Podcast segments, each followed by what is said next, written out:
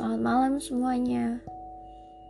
Hmm, kalian pernah gak sih merasa bosan, capek, rasanya ingin berhenti, rasanya tuh udah gitu, gak mau ngapa-ngapain.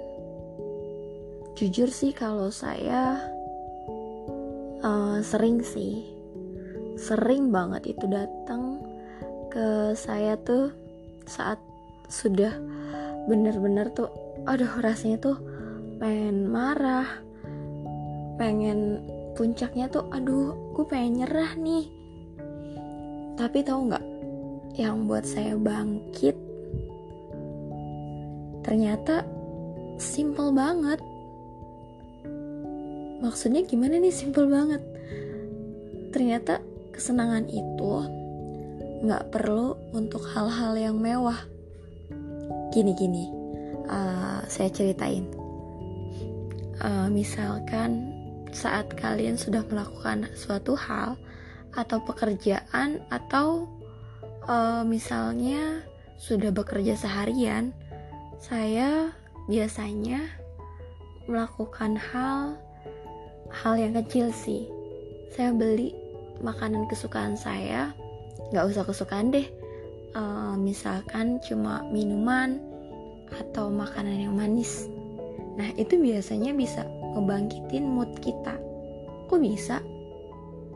Tergantung uh, masing-masing pribadi sih sebenarnya. Saya mau cerita sedikit dari dulu. Sejak SMP eh bukan SMP ding. Saya dulu itu uh, eh, MTS madrasah sekolah madrasah iya dari MTS saya dulu itu biasanya pulang sekolah nih ngerjain satu buku LKS nah kalau nggak kelar siangnya biasanya saya mm, malam hari. Malam hari itu TV nyala kumpul sama keluarga. Keluarga saya nggak boleh ngomong tuh kecuali suara TV lucu ya nggak boleh ada suara ketika saya belajar tapi suara TV bunyi. Itu nggak tahu lah ya.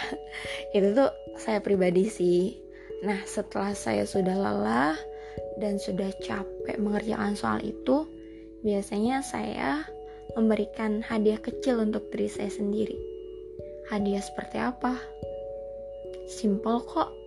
Cuma jajan sekitar 1000 atau 2000 atau kalau lagi ada uang biasanya saya beli es krim tuh zaman dulu.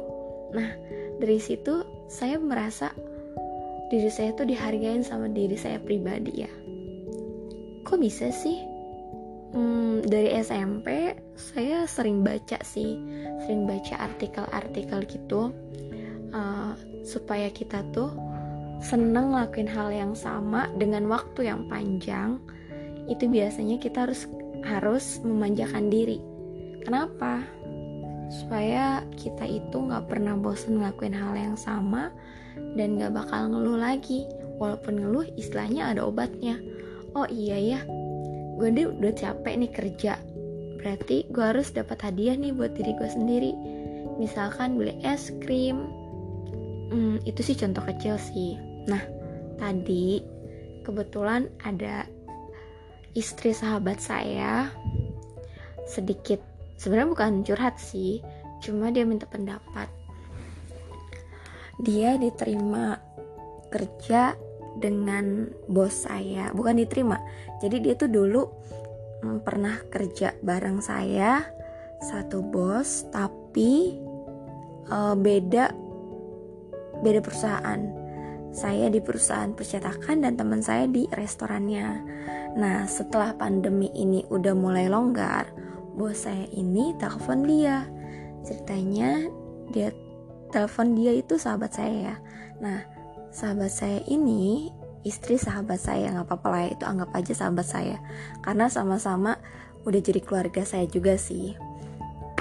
Nah, dia tanya, misalkan dengan gaji sekian, uh, gaji sekian cukup nggak ya Riz?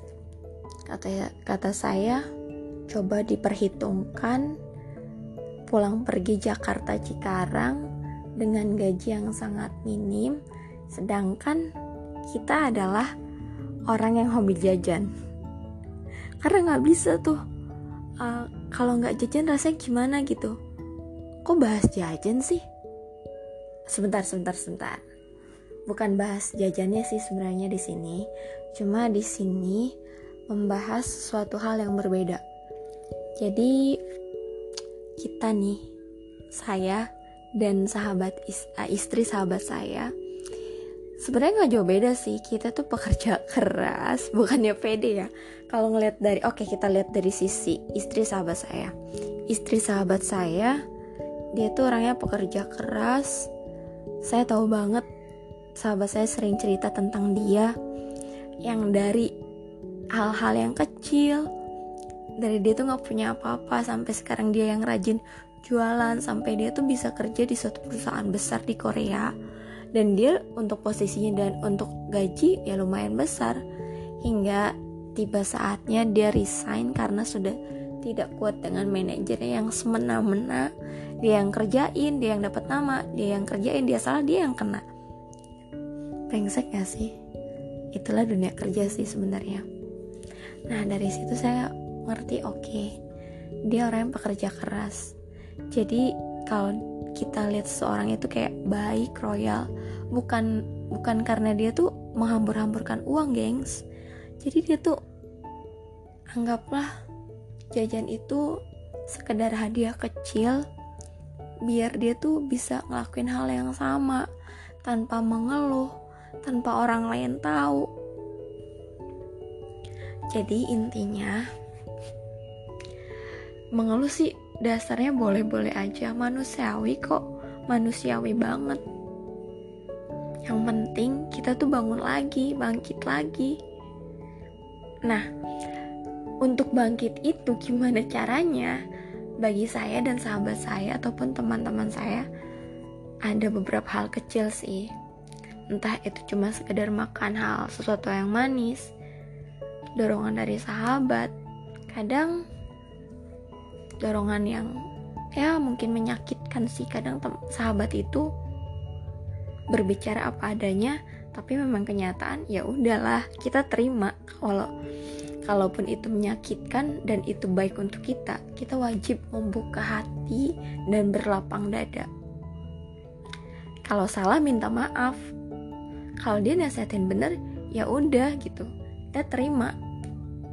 Gak boleh egois. Kalau saya tipikalnya adalah kalau emang saya salah diomelin ya nggak apa-apa. Saya lebih senang seperti itu. Daripada saya didiemin terus kalau emang dia nasihatin lebih baik lagi saya terima kok. Saya nggak mau seperti orang-orang yang ketika dinasehatin merasa paling benar merasa paling dewasa dituain padahal dia nggak ngerti apa tuh tau nggak kayak gitu tuh uh, sok tahu, sok ngerti, sok bener, padahal istilahnya bodoh. Gak bodoh-bodoh amat sih kalau dia mau terima.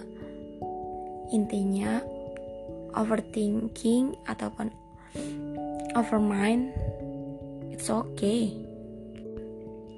Asalkan untuk hal-hal yang baik ya. Nah, mendingan kita memikirkan sesuatu hal uh, nasihat-nasihat yang mungkin menyakitkan tapi baik untuk kita.